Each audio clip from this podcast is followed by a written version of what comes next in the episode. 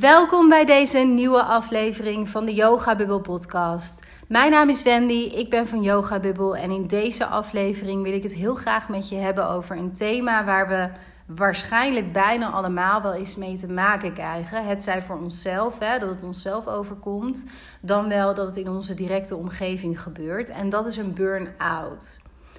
Um, helaas is dat iets, zou ik bijna willen zeggen, wat ons allemaal dus wel direct gebeurt of indirect in onze omgeving waar we mee te maken krijgen. Um, want het is natuurlijk niet iets wat zou moeten. En um, je merkt bijvoorbeeld ook, je hoort steeds meer berichten over dat mensen ook steeds jonger al in een burn-out terechtkomen. Mensen voor rond de 25, uh, eh, eind 20, begin 30 eigenlijk mensen die in de bloei van hun leven zouden moeten zijn en die totaal opgebrand zijn, hè, burnt out en thuis komen te zitten. Eigenlijk soms zelfs niet meer hun ene voet voor de andere kunnen zetten. Zich in het meest heftige gevallen ook bijna apathisch te voelen. Hè. Dat is tenminste wat ik vaak wel uh, om me heen heb gehoord of in de coaching, waar dames daarmee te maken hebben gehad. Ja, dat je echt voelt ik kan gewoon niet meer. Dat je bijna ogenschijnlijk hè, op een dag wakker wordt en dat het gewoon niet meer gaat. En dat lijkt ogenschijnlijk, zoals ik net al zei, alsof dat ineens ontstaat. Maar dat is uiteraard niet zo. Want een burn-out is, ja, tenminste als mijn visie, een proces wat vaak al jaren onderhuids, onder water aan de gang is en op aan het bouwen is. Hè. Dat, dat is niet iets wat van maandag op dinsdag in één keer ontstaat en in één keer kun je niks meer. Um, het kan wel zijn dat er iets gebeurt in je leven, um, weet ik veel. Dat kan zijn ja, gewoon iets wat je heel erg raakt. Dus dat kan zijn een sterfgeval, ziekte, scheiding, um, nou, iets anders heftigs. Waardoor je in één keer ook ja, stil wordt gezet als het ware. Dat kan wel een soort trigger zijn waardoor een diagnose tussen aanleidingstekens van burn-out gesteld wordt. Maar nog veel vaker hoor ik gevallen waarin het nou ja, bijna dus lijkt alsof je van maandag op dinsdag wakker wordt en in één keer niet meer de ene voet voor de andere kan zetten. Of um, je niet meer kunt concentreren op je werk. En in dusdanige mate dat je dus gewoon thuis komt te zitten. Sorry. Belangrijk is echter dat je wel dus beseft, dat is tenminste mijn visie, dat dat niet iets is wat overnight is gebeurd. En dat je het dus ook mag beschouwen als een langdurig proces om te herstellen van zo'n burn-out. Want mensen willen heel vaak, hè, dat is denk ik ook wel meer generiek iets wat in onze maatschappij speelt. We willen heel snel verandering en we willen heel snel resultaat. We willen weer beter zijn. We willen um, grote stappen kunnen zetten in onze persoonlijke groei. Dingen gaan niet snel genoeg. We zijn vaak heel ongeduldig. Uh, maar een burn-out is iets wat is opgebouwd, wat ik net al zei, vaak van vele jaren daarvoor, vanuit um, ja, bepaalde patronen die je hebt ontwikkeld, um, die voor jou op z'n zacht gezegd niet echt dienend meer zijn je hebt vaak ook jaren erop zitten van veel te veel ballen in de lucht houden. Heel slecht voor jezelf zorgen, op welk niveau dan ook. Hè? Of dat nou gaat op fysiek niveau, of emotioneel of mentaal niveau, of spiritueel niveau zelfs. Um, dat kost gewoon tijd om daarvan te herstellen. Maar zoals de titel van deze podcast al laat zien, hè, ik geloof zelf heel erg dat een burn-out ook absoluut een enorme zegen kan zijn. En eigenlijk geldt dat, zit ik nu te denken, niet alleen voor een burn-out. Dat geldt voor elke vorm van crisis in je leven. Hè? Dus dan kom ik weer met een sterfgeval, ziekte, scheidingen, ontslag. Dat soort situaties die in het moment zelf echt als een enorme crisis kunnen aanvoelen. Enorm chockerend zijn. Uh, je wereld echt op zijn kop kunnen zetten. Dat is in het moment natuurlijk afschuwelijk. Hè? En daar moet je doorheen zien te komen. Maar uiteindelijk, als je daarin echt stil durft te gaan staan, je thema's durft aan te kijken, de lessen eruit kunt halen, dan is het in de tijd daarna, en dat kan natuurlijk jaren duren, hè, maar dan kijk je vaak op zo'n crisis terug. En dan is het vaak echt je goud geweest op een bepaalde manier. Hè? Dan heb je er bijvoorbeeld van geleerd om veel dichter bij jezelf te kunnen blijven. Of je hebt bijvoorbeeld een carrière switch durven maken die je anders nooit had gemaakt. Uh, misschien heb je een relatie durven beëindigen waar je al jaren niet gelukkig in was. We hebben gewoon heel vaak een bepaalde mate van crisis nodig om überhaupt na te gaan denken en weer terug te komen bij onszelf, maar überhaupt na te gaan denken over wat wil ik eigenlijk zelf? Ben ik wel gelukkig nu nog met de keuzes die ik eerder heb gemaakt? En dat is ook een beetje waarom ik dus zeg van een burn-out kan in die zin echt een zegen voor je zijn. nou zeg, sorry. Omdat het namelijk een moment echt is waarop je wordt stilgezet je kunt vaak fysiek ook niet meer. Hè? Je komt vaak thuis te zitten. Je kunt vaak niet meer sporten. Je voelt je, ja, dus in het meest ernstige geval vaak ook een beetje apathisch. Je weet niet zo goed meer wat je voelt, wat je denkt, wat je wilt. Het is echt een enorme overleefstand waar je op dat moment in zit. Ehm, maar juist als je daar dus aan toe durft te geven en uiteindelijk ontstaat er dan dus ruimte om wel meer beter te voelen en bij jezelf te komen, dan kun je dus antwoorden krijgen op vragen die je zelf überhaupt nooit hebt gesteld daarvoor. En daar zit zo ongelooflijk veel waarde in. Want in het normale dagelijkse leven dan rennen we maar door, we vliegen maar door we staan heel vaak niet stil, toch? Bij wat het is um, wat ons dwars zit, of wat ons raakt, of waar we mogen leren, mogen groeien, of waar we juist het liefste hele andere keuzes zouden willen maken. Omdat we zo beperkt worden door ja, oude patronen, oude overtuigingen, maar ook door um, dat we steeds maar weer willen leven naar verwachtingen van anderen. En dat is eigenlijk ook, hè, daar spreek ik wel vaker over in mijn podcast, dat ik um, zelf ook heel erg geloof dat de wereld eigenlijk op dit moment, zeker in ons land, in dit deel van de wereld, op zijn kop staat qua hoe we zouden mogen leven. Uh, van origine, als je kijkt naar de oermens, nou ja, lang terug, dan was onze basishouding, onze status quo om te leven, was rusten. Dus letterlijk, eventjes lang terug natuurlijk, maar onder die boom zitten, opladen voor het moment dat je bijvoorbeeld weer je kamp op moest pakken en ergens anders ging wonen. Of dat je moest wegrennen voor een beer of moest jagen voor je voedsel. Want dan had je je energie nodig. Dus je moest dat sparen op, de, ja, op het grootste deel van de dag eigenlijk. Natuurlijk speelt daar ook iets mee dat je toen ja, nog moest werken voor je eten. Er was gewoon veel minder voedsel beschikbaar. En dat is natuurlijk vandaag de dag op elke straathoek uh, te kopen, zeg maar. Dus dat is een heel andere situatie, dat begrijp ik. Maar wat je vandaag de dag ziet, dat is precies de wereld op zijn kop. Want nu is onze basishouding om te leven, is die van altijd aanstaan. Altijd rennen en vliegen. Op je werk, met je gezin, in je sociale leven. Nou ja, het maakt niet uit op welk aspect van je leven. Er is zo ongelooflijk veel druk, stressniveau bijgekomen. Dan heb ik het nog niet eens over ja, alle techniek die tegenwoordig om ons heen is. Hè? De, de ja, ja, telefoons, uh, alles wat de hele maar aanstaat, uh, bliept en piept. We worden elke dag met zo ongelooflijk veel prikkels geconfronteerd. Dat ons hele systeem ook eigenlijk continu aanstaat.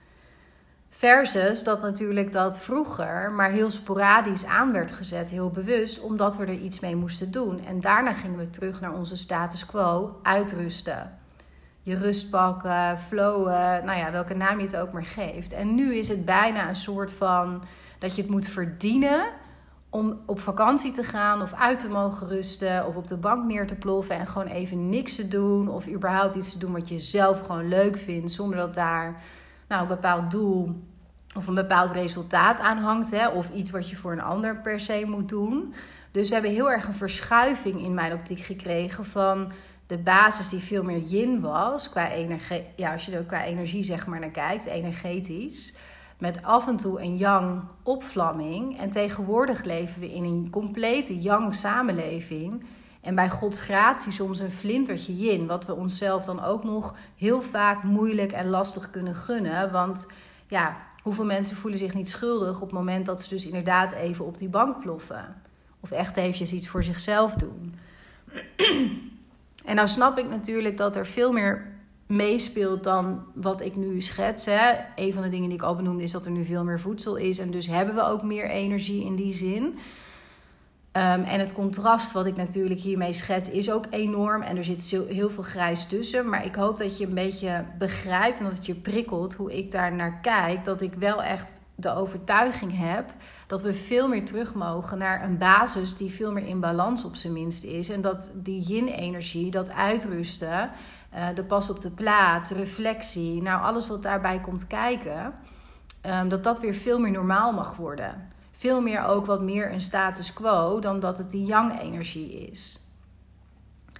Ik geloof ook dat deze verschuiving, hè, dat die yang-energie zo enorm, dat altijd maar aanstaan, dat vuur hoog hebben enzovoort, dat dat ook enorm bijdraagt aan de enorme hoeveelheden mensen die burn-out raken. Ook dus op een steeds jongere leeftijd.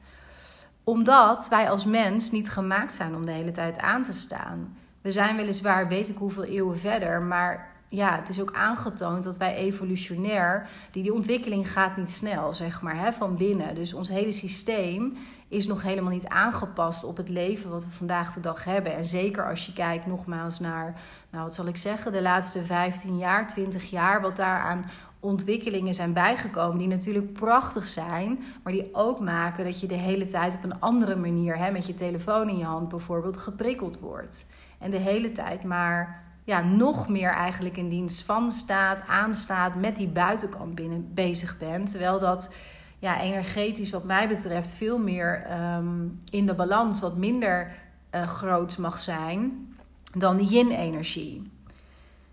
En het is ook als je dus in een burn-out terechtkomt, hè, letterlijk dus het opgebrande, dus letterlijk dat vuur wat de hele tijd te hoog heeft gestaan, dat je echt mag leren om dus die yin-energie veel meer een plek te gaan geven in je leven. Wat dat voor jou ook maar betekent. En dat je dus niet de hele tijd aan hoeft te staan. En dat je daaraan mag gaan werken. Dat je het mag gaan uithouden in de stilte. En die stilte hoef je niet letterlijk te nemen. Hè? Want ik geloof ook niet dat. Um, ja, ik geloof wel dat stilte voor elk mens heel gezond is. En alleen kunnen zijn, nou ja, zulke dingen. Maar iedereen ervaart een rustige yin-energie op een andere manier als ik naar mezelf kijk, ehm, heb ik een aantal dingen op dagelijks niveau die ik doe om gewoon bij mezelf in te checken en bij, op mezelf afgestemd te staan, zodat ik op de momenten dat ik vol gas moet geven, als ik bijvoorbeeld een retreat organiseer of als ik mijn coaching sessies heb, dat ik helemaal er voor die ander uh, wil zijn, dat ik ook maximaal kan geven daar. Dat komt, dat kan ik doen, want ik krijg heel vaak de vraag: hoe hou je dat vol? Het voelt niet volhouden voor mij, omdat het echt iets is wat moeiteloos gaat en echt vanuit mijn hart komt. Ehm, maar wat ook daarin meespeelt, puur praktisch, is dat ik heel veel tijd besteed dagelijks aan gewoon opgeladen blijven, aan mijn eigen energie hoog houden. En dat doe ik door heel veel aandacht te besteden aan die yin-kant. En heel praktisch, hè, dat hoef je echt niet exact hetzelfde te gaan doen, want voor iedereen is dat anders. Ik moedig ook alleen maar aan van je bent uiteindelijk je eigen goeroe, daar geloof ik echt in. Dus zoek echt voor jezelf naar wat voor jou werkt. Maar ik kan je misschien wel inspireren of prikkelen met, met hoe ik dat doe.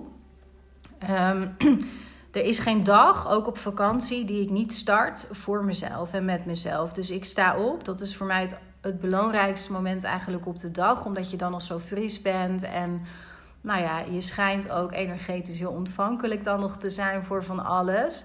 En wat ik niet wil, is mijn dag met de buitenkant beginnen. Dus wat ik vooral niet doe, is mijn telefoon pakken. Dat zal ik nooit doen als ik opsta.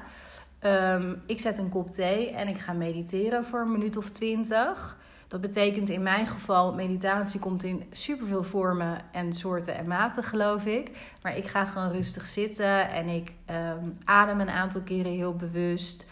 Uh, probeer echt af te stemmen. Hoe ben ik wakker geworden? Wie wil ik vandaag zijn? Uh, uh, probeer ook stil te staan bij heb ik deze week of vandaag bijvoorbeeld grootste belangrijke dingen. Nou, dan probeer ik echt in die energie te stappen van de vrouw die ik op dat moment wil zijn. Nou goed, dat werkt voor mij heel erg goed. Nou, daarna ga ik lekker uh, koffie drinken met Maurice, want die is vaak dan ook uh, wakker. En dan beginnen we de dag rustig. Um, en dan wisselt het. Dan heb ik meestal dat ik yoga doe. Dat kan een half uurtje zijn, dat kan echt een uur zijn. Uh, soms doe ik geen yoga, lees ik wat, een inspirerend boek. Uh, nou, ik start de dag echt rustig op met wat voor mij van de binnenkant, zeg maar, voedend is. Dus echt die yin-energie. Een ander iets wat ik zelf elke dag doe, is dat ik elke dag, nou, elke dag, dat is misschien, dat is niet helemaal waar. Maar laat ik zeggen, vijf, zes dagen per week. Dan ga ik echt tussen de middag ga ik, um, een uurtje wandelen. Echt in de natuur. En Af en toe heb ik podcasts op die me inspireren, want dat voedt mij ook van binnen. Dat ik ja, zeg maar op die manier mensen om me heen heb. Um, die op bepaalde vlakken uh, hetzelfde in het leven staan als ik, of die verder zijn in mijn optiek, waar ik van kan leren. Dat is voor mij belangrijk. En een ander deel van de, van de wandelingen, dan heb ik dat niet. En dan wandel ik gewoon een uur lang in stilte in de natuur. Zorg altijd dat ik, hoewel ik in de stad woon, maar dat ik echt een stuk natuur opzoek. Dus een groot park. We hebben hier een bos in de buurt. Um, omdat ik zelf dus weet van mezelf dat ik heel erg oplaad van natuur. En, en daarin lopen en daarin zijn. Dus dat is zeker iets wat ik doe. Um, een ander ding wat voor mij uh, ook belangrijk is, is dat ik, nou ja, laat ik zeggen, na 7 uur, 8 uur s avonds mijn telefoon niet meer bekijk. Dus die leg ik gewoon weg. Sowieso is dat iets wat ik de hele dag door doe. Mijn telefoon ligt 9 van de 10 keer niet op de plek waar ik zit of ben.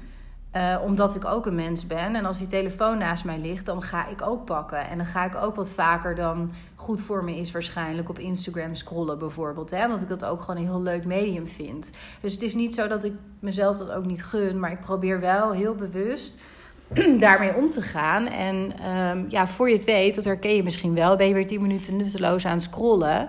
Uh, en heeft het je eigenlijk niet zo heel veel gebracht. Dus probeer die telefoon ook niet te ver niet te vaak bij mij mezelf in de buurt te leggen. En s'avonds dan um, heb ik hem sowieso niet bij me liggen. Een ander iets wat ik ook doe elke dag is dat als ik naar bed ga, dan lig ik altijd echt eventjes een aantal minuten rustig en diep in mijn onderbuik te ademen. Voel ik even van nou, hoe voel ik me? En ik sta even stil bij de dag. Dus um, je kent vast wel van die dankbaarheidsoefeningen, want dat is de hele tijd ook heel populair geweest. Um, ja, als dat niet bij je resoneert, is dat niet iets voor jou. Maar ik sta in elk geval even echt bij mezelf stil fysiek. Hoe voelt mijn lijf? Um, en dan ga ik dus even bewust stilstaan bij de dag. Van hoe vond ik dat de dag was? Waar was ik blij mee? Waar was ik minder blij mee? En dan ga ik rustig slapen. Slapen is overigens ook iets waar ik. Um, nou, ik zit daar niet uh, geforceerd in, maar het is voor mij wel heel belangrijk. Ik weet dat ik het beste ga op zo'n 7,5, 8 uur slaap. Dus ik zorg ook dat ik dat eigenlijk elke nacht krijg. En dat betekent soms, omdat ik echt een ochtendmens ben, dat ik vroeg naar bed ga. En dat is zo. En natuurlijk um, geniet ik ook heel erg van een avond met vrienden waarin het onverwacht veel later wordt of met Maurice, of we nog lekker aan het praten zijn. Zeker deze zomeravonden uh, die we op dit moment hebben. Dan vinden we het heerlijk om nog lekker buiten te zitten en te praten, kaarsjes aan. En gewoon lekker ja, van, het, van het weer nog een beetje te genieten. Hè? Dus dan lig ik ook later in bed. Maar mijn basis is wel heel erg steady daarin. En dat doe ik omdat ik weet, en nou ja, dat heb je misschien zelf wel eens ervaren. Misschien heb je kinderen en heb je het in zo'n periode ook ervaren. Maar slaap is echt ongelooflijk belangrijk om je goed te voelen en om je energie dus hoog te kunnen houden. En om dus op de momenten dat het er echt toe doet, die energie ook echt hoog te hebben en aan te zetten. In plaats van de hele tijd maar daarin te vertoeven met misschien ook heel weinig slaap. Goed, het was even een soort van zijstap die ik niet had bedacht. Maar dit zijn bijvoorbeeld de dingetjes die ik zelf doe. Om gewoon elke dag opnieuw op mezelf afgestemd te zijn. En laat het je vooral gewoon inspireren. Het is zeker niet iets wat je hoeft te kopiëren. Ik ben er helemaal geen voorstander van. Probeer dingen uit. Maak je eigen ja, menukaart zou ik bijna willen zeggen, van wat voor jou daarin werkt. Maar ik geloof er wel heilig in dat dit soort dagelijkse routines, dit soort dagelijkse momenten van echt bij jezelf kunnen zijn en bij jezelf intunen en goed bewust zijn bij jezelf. Wat geeft mij nou echt de energie? En daar bewust dagelijks aandacht aan geven. Dat dat je gaat helpen, zelfs durf ik wel te stellen, in het voorkomen van een burn-out. In dat je nooit op dat punt gaat komen. Want uiteindelijk wil je daar natuurlijk niet komen. En tegelijkertijd, als je dat gebeurt, is dat dus wel echt een moment wat een enorm goud kan bevatten voor je. En echt een zegen kan zijn. Nogmaals, wat ik eerder zei. Omdat je dan misschien wel voor het eerst in het leven uh, wordt gedwongen om bij jezelf naar binnen te gaan. Van wat is het wat ik nou wil? En in het verlengde daarvan, hè, dat zeg ik ook wel vaker van. Heel vaak hebben we een heel deel van ons leven. Voor de een is dat 10 jaar, de ander is dat 20 jaar en voor weer een ander is dat 50 jaar. En weer een ander komt nooit op dit punt, want dat kan natuurlijk ook.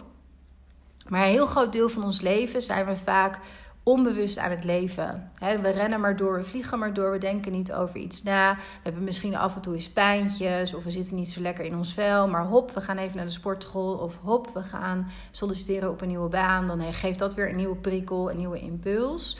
Ehm, en je vraagt jezelf eigenlijk in dat deel van je leven niet zo sterk af van... word ik hier eigenlijk wel blij van? Past dit wel bij mij? En past dit nu nog wel bij mij? In de fase waarin ik nu ben. En dat is ook zeg maar uh, waarom ik dus de titel van de podcast ook is... van waarom ik denk dat een burn-out ook een zegen kan zijn... Um, om echt zeg maar veranderingen in je leven door te voeren... en echt dus te gaan handelen en keuzes te gaan maken vanuit dat wat bij jou klopt, in plaats van wat je ouders, je gezin, je partner, uh, je, je vriendenomgeving, wat dan ook, maar van jou verlangen of logisch vinden bij jou of van jou verwachten, um, moet de pijn eerst groot genoeg worden van je huidige situatie. Dus de pijn die moet altijd groot genoeg zijn, want anders ga jij nooit een andere stap zetten. Want waarom zou je? Het is mens eigen, dat, dat is ook denk ik evolutionair echt gewoon heel logisch zit dat in elkaar. Maar het is mens eigen om in je comfortzone, dat dat lekker voelt. Dat je daar automatisch wat langer wil verblijven. Misschien wel altijd wil verblijven. Kijk, en ik denk dat iedereen ondertussen wel weet, hè, omdat het zinnetje zo vaak is gepredikt, dat de groei niet zit in die comfortzone. Die zit net erbuiten, die zit over het randje heen van je comfortzone. Uh, want anders blijf je altijd maar hetzelfde doen. Maar je gaat niet echt een grote stap zetten buiten je comfortzone en andere keuzes durven maken en echt te durven leven vanuit jouw voorwaarden, vanuit wat voor jou belangrijk is. Als je niet voelt, ik moet, ik moet iets veranderen, want ik kan niet verder op deze manier. Dat is wat ik met die pijn bedoel. En dat is natuurlijk wat er ook in een situatie van burn-out gebeurt. Dat mensen dan zo tegen ja, tegen hun eigen grenzen aanlopen, omdat ze daar al duizend keer overheen zijn gestapt. Dat ze de pijn gaan ervaren fysiek, omdat hun lichaam niet meer wil. En daar zit vaak heel veel frustratie op en irritatie. En ja, een gevoel van mijn lichaam laat mij in de steek. Daar ga ik trouwens zo nog iets over zeggen, want dat, daar kijk ik ook iets anders naar. En dat creëert een bepaalde, hè, tussen pijn. Hetzelfde gebeurt vaak op mentaal vlak hè, als je in een burn-out zit. Want je voelt jezelf dan, dus dat vaak wat ik heb gehoord. Want ik heb zelf persoonlijk gelukkig nooit echt een burn-out gehad. Ik heb wel heel erg in de richting gezeten, maar ik heb dat op tijd kunnen voorkomen, gelukkig. Uh, maar ik hoor heel vaak dat mensen die dus in die burn-out zitten mentaal ook nog super hard voor zichzelf zijn. Dus tegen zichzelf zeggen van wat een sukkel ben je toch. En je moet eigenlijk gewoon doorlopen. En zie jou nou als een zielig hoopje hier op de bank hangen. En uh, geef jezelf toch een trap onder je kont. Um, je bent zwak. Nou, al die ellendige zinnetjes, woorden die dat kritische stemmetje de hele tijd maar kan bezigen. Als je daar geen bewustzijn uh, op hebt en daar geen regie over, over gaat pakken. Hè, dan kun je daar enorm door geleid worden.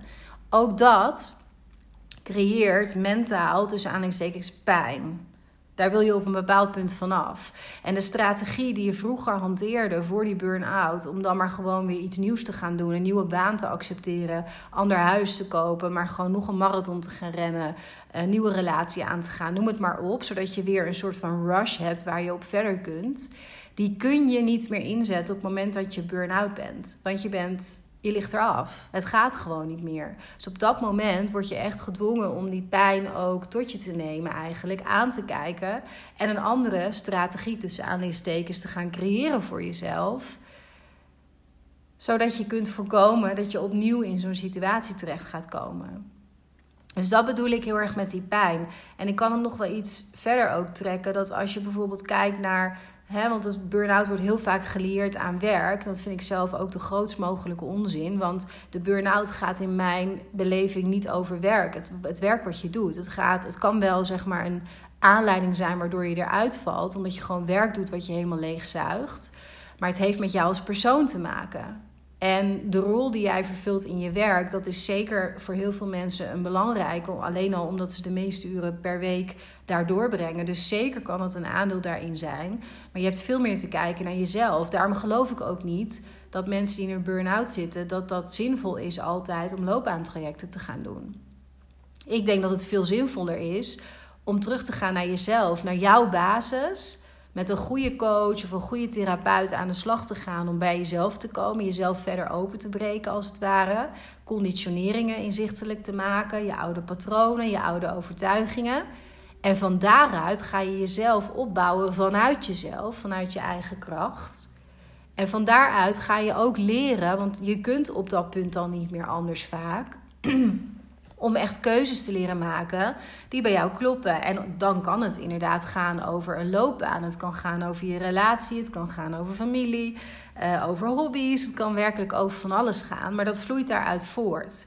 En in mijn beleving, als je met een loopbaantraject meteen aan de slag gaat, dan fixeer je dat dus heel erg op jouw carrière. Terwijl het gaat niet zozeer over die carrière, het gaat hoe jij als individu, als persoon om bent gegaan met die carrière. Snap je het verschil? En ook, want ik, ik ga weer een beetje zo het zijtakje. Maar wat ik eigenlijk hiervoor wilde zeggen was dat als die pijn dus maar groot genoeg is, dan durf je over het algemeen in één keer te springen. En de onzekerheid te aanvaarden. En buiten je comfortzone te gaan. En nieuwe dingen te proberen. Omdat je niet langer in die situatie kunt blijven. Omdat die pijn je eruit duwt. Kan ook op emotioneel vlak zijn, want dat was nog even de aanvulling die ik wilde doen. Hè? Het kan dus op fysiek vlak zijn, mentaal.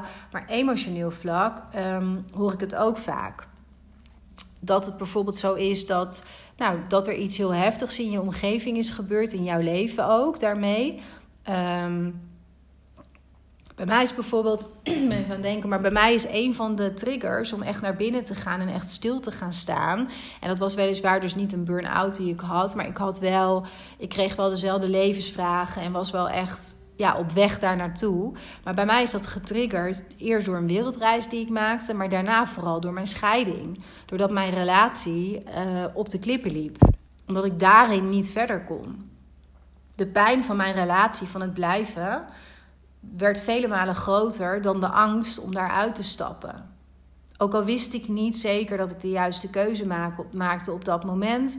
Ook al had ik geen flauw benul wat er in zo'n korte tijd allemaal was veranderd en gebeurd in mij. Ook al had ik geen enkel idee waar ik naartoe op weg was. Ik wist, ik voelde het in de puntjes van mijn tenen en in mijn kruin. Als ik blijf, dan blijft er niets van mij over die pijn was zo groot geworden dat ik daardoor dus wel durfde te springen. En al die jaren daarvoor niet. Dan ging ik gewoon weer nieuwe uitdagingen aan en dan poetste ik die pijn weer weg. Nou, dat is wat ik dus bedoel met de pijn moet groot genoeg zijn. En dat is dus ook wat een burn-out met je doet op zo'n moment. Want die pijn komt van allerlei kanten op je afdenderen, letterlijk en figuurlijk dus aanlichtstekens. En daar moet je iets mee, daar heb je je tot te verhouden. Om uiteindelijk uit die burn-out te komen natuurlijk. Dan wil ik nog even afsluiten met nog een eh, stukje wat ik net al zei over dat lichamelijke. Want uh, dat, misschien dat je dat ook kan helpen als jij zelf in een situatie zit van een burn-out. Of dat in je directe omgeving hebt en je dus uh, steun wilt zijn voor een ander. Um, wederom, dit is mijn visie. um, het is natuurlijk helemaal geen waarheid. Doe ermee wat je wilt. Um, maar ik geloof heel erg dat je lichaam altijd achter al het andere aanhobbelt. Dus op het moment dat jij lichamelijke klachten ontwikkelt, of dat jij lichamelijk van maandag op dinsdag wakker wordt en je kunt geen enkele voet meer voor de andere zetten, en je bent burn-out op de bank, je hebt geen energie. En er is, laat ik vooropstellen, er is geen fysieke oorzaak, want dat is natuurlijk wel belangrijk om uit te sluiten. Dan heb ik 100% de overtuiging dat je niet zozeer naar het lichamelijke te kijken hebt. Daar mag je zeker bij stilstaan en heb je heel erg naar te luisteren. Absoluut, neem dat heel serieus. Maar er is op andere niveaus, is er in de jaren daarvoor, de maanden daarvoor, de weken daarvoor, waar het maar in jouw situatie om gaat, al heel veel aan de hand geweest. Daar heeft al heel veel gespeeld, wat je stelselmatig waarschijnlijk hebt genegeerd, bewust of onbewust. En uiteindelijk heeft jouw hele zijn, jouw hele systeem, je ziel, wat voor naam je het maar geeft, heeft geen andere keuze dan aan de handrem trekken. En dat doet het via het lichaam. En wat ik bedoel met het lichaam hobbelt er dus achteraan.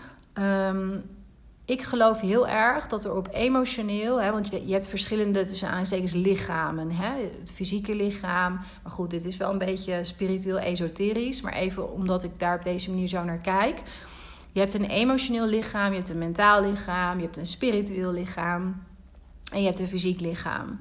En ik geloof heel erg dat het fysieke lichaam uiteindelijk een soort van het afvoerputje is, zal ik maar zeggen, waardoor alles geduwd wordt. Dus als jij niet luistert naar je emotionele nou ja, issues, pijn, de manier waarop je getriggerd wordt. Als jij niet stil gaat staan bij je mentale kritische stem en je daar helemaal door laat leiden, uh, onbewust, bewust, en je eigenlijk jezelf constant aan het saboteren bent, steeds weer situaties aantrekt waarin je dezelfde oude patronen kunt laten zien, die je eigenlijk helemaal niet dienen of als jij op spiritueel niveau ehm, gewoon niet doet waar jij eigenlijk voor bestemd bent, maar daar bedoel ik vooral praktisch mee, hè, want dat kun je praktisch merken aan dat je niet doet waar je echt intens blij van bent, waar de energie van gaat stromen. Ehm, je houdt jezelf steeds klein. Je durft niet te delen met andere mensen over waar je echt helemaal van aangaat. Um, dan geloof ik heel erg dat als je naar dat soort dingen niet luistert en je doet dat maar lang genoeg, en dan heb ik het over jaren, uiteindelijk heeft jouw hele zijn geen andere keus, omdat jij nergens naar luistert, dan aan je lichaam te gaan trekken, aan die handrem. En je stil te zetten. Klachten te ontwikkelen, maar het kan ook gewoon een intense vermoeidheid zijn, hè, wat je heel vaak natuurlijk bij een burn-out hoort. En in het verlengde hiervan geloof ik 100% dat je lichaam voor jou werkt, niet tegen jou. En ik begrijp echt ontzettend goed, want ik heb zelf ook in mijn leven hele vervelende lichamelijke klachten gehad, waar nooit een fysieke oorzaak voor werd gevonden. Dus ik begrijp ontzettend goed de frustratie die daarbij komt kijken en de irritatie en eh, het ongeduld. En dan toch maar weer denken, ik ga er weer doorheen beuken. Ehm, dat begrijp ik allemaal heel goed. En ik snap dat als je bijvoorbeeld heel erg ziek bent, is dat nog weer een heel andere, ander ja, spel tussen tegen een spel tussen aanleidingstekens wat je te spelen hebt. En is dat nog intenser en moeilijker. Maar speel voor jezelf eens, als je in zo'n situatie zit van een burn-out en je bent lichamelijk ontzettend moe of je hebt echt heel veel klachten, wat dan ook. Speel voor jezelf er eens mee dat je er echt naar gaat luisteren en dat je de waarheid gaat aannemen dat je lichaam voor jou werkt, niet tegen jou. Dat is nooit zo. Ik geloof zelf heel erg dat als je dus lichamelijk last ergens van hebt of zo moe bent, dat je daar naar te luisteren hebt en dat je dan naar binnen mag keren en bezig mag gaan met allerlei andere facetten waar je, ja, die jou jou maken en waar je misschien al die jaren niet naar geluisterd hebt of onvoldoende naar geluisterd hebt. Probeer dat voor jezelf eens te gaan doen en probeer ook die waarheid aan te nemen. Mijn lichaam is er voor mij. Voor mij is dit bijvoorbeeld, uh, even ook sidestep, maar voor mij is dit bijvoorbeeld echt de, uh, de kernovertuiging waarom um, ik mijn beslissingen, mijn grote beslissingen, nooit met mijn hoofd maak. Mijn hoofd heeft niet de regie, dat heb ik jaren geleden besloten. Mijn hoofd heeft niet de regie over de keuzes die ik maak, over wat ik doe ik luister naar mijn lichaam en ik eer mijn energie. Dat zijn een beetje de, nou ja, de basisdingen waarnaar ik leef. En gaat dat 100% van de tijd zo en goed? Nee, zeker niet. Want ook ik ben natuurlijk mens en heb nog steeds allerlei dingen te leren. Heb ook nog steeds conditioneringen lopen. Dus ook ik kom weer in oud gedrag soms terecht. Maar kan je wel vertellen dat het steeds sneller gaat. Dat je het steeds sneller voor kunt zijn. Maar ook als je er wel even in belandt, dat je jezelf er steeds sneller uit kan trekken. En daarnaast heeft het me alleen maar ongelooflijk veel opgebracht. In geluksgevoel, in rust, in stabiliteit, in lekker in mijn vel zitten, in juiste keuzes maken die echt voor mij kloppen. Dus probeer voor jezelf, als je zelf dus in een burn-out situatie zit, dan wel in je omgeving, dan kun je iemand anders daar misschien mee inspireren of ondersteunen. Je lichaam werkt voor jou en welke vragen kun je voor jezelf, kun je jezelf stellen om te kijken wat voor lagen daaronder zitten. Want de afgelopen jaren, als je in een burn-out zit, heb je echt stelselmatig keuzes gemaakt die eigenlijk helemaal niet bij jou horen. En je hebt een veel te hoog tempo gehad in je leven, want je bent letterlijk opgebrand. En het is echt een uitnodiging om naar binnen te gaan, om stil te gaan staan, om de tijd te pakken, om geduld op te brengen. Het uit te houden met moeilijke, pijnlijke emoties, met kritische stemmetjes. Te leren dat, dat je daarmee om kunt gaan en dat, dat, dat je je daarmee niet hoeft te identificeren. En dat je jezelf alle ruimte mag geven om te doen waar jij blij van wordt. Want het leven is niet bedoeld om zwaar te voelen of om altijd maar in de pas te lopen van een ander of het leven te leven wat een ander voor jou, voor jou ziet. Dat slaat eigenlijk ook nergens op, toch? Als je er zo over nadenkt. Dus ga je leven leven. Ga met jezelf zitten. Doe leuke dingen. Creëer bewustzijn op wat je energie geeft. Probeer een soort dagelijkse routines voor jezelf te vinden. Probeer allerlei dingen uit. Speel ermee. Ontdek wat voor jou daarin werkt. Zodat je elke keer ook weer op jezelf kunt afstemmen. En accepteer dat die burn-out waar je in zit, of waar iemand in je omgeving in zit, dat dat nu even, dat dat nu even je status quo is. Dat ben jij niet, zeker niet. En zelfs die burn-out, durf ik te zeggen, die kan er op een bepaalde manier voor jou zijn. Probeer dat perspectief te shiften in plaats van dat je er naar kijkt van oh het ellendig en ik moet hier zo snel mogelijk uit en ik moet een oplossing en er moet resultaat komen en ik wil een datum waarop ik weer helemaal fit ben. Laat het los. Ga met jezelf aan de slag, stel jezelf goede vragen. Ga met een goede coach aan de slag, een therapeut, wat dan ook. Dat kan je echt enorm helpen ook, omdat ja, iemand van buitenaf die ziet toch meer uitgezoomd jouw patronen, je gedragingen en kan je ook andere vragen stellen dan dat je zelf misschien kunt bedenken. En uiteindelijk is mijn eigen ervaring dat het stellen van die goede vragen, die gaan je helpen om echt bij jezelf te komen en echt te leren: dit is wat ik te doen heb. Dit is wat mijn lichaam mij vertelt. Dit is wat ik eigenlijk wil. Dit gesprek mag ik aangaan, wat dan ook. Nou, ik hoop dat deze aflevering je weer heeft kunnen inspireren of heeft kunnen prikkelen of je nou ja, handvatten heeft kunnen geven uh, als het gaat over een burn-out en dat dat op een bepaalde manier echt een zegen kan zijn. Um, dat kan het echt zijn. Ik heb het heel veel om me heen gezien in beide scenario's. Zowel van mensen die het niet als een zegen zagen, alleen maar in het slachtofferschap bleven zitten. Uiteindelijk weer aan de slag zijn gegaan, dachten dat ze er wel weer waren. Sommigen hebben het heel kort volgehouden. Ik heb ook mensen uh, in mijn indirecte omgeving gehoord, gezien. Die hebben het weer een paar jaar volgehouden en daarna kregen ze opnieuw een burn-out. Dan heb je werk te doen in jezelf.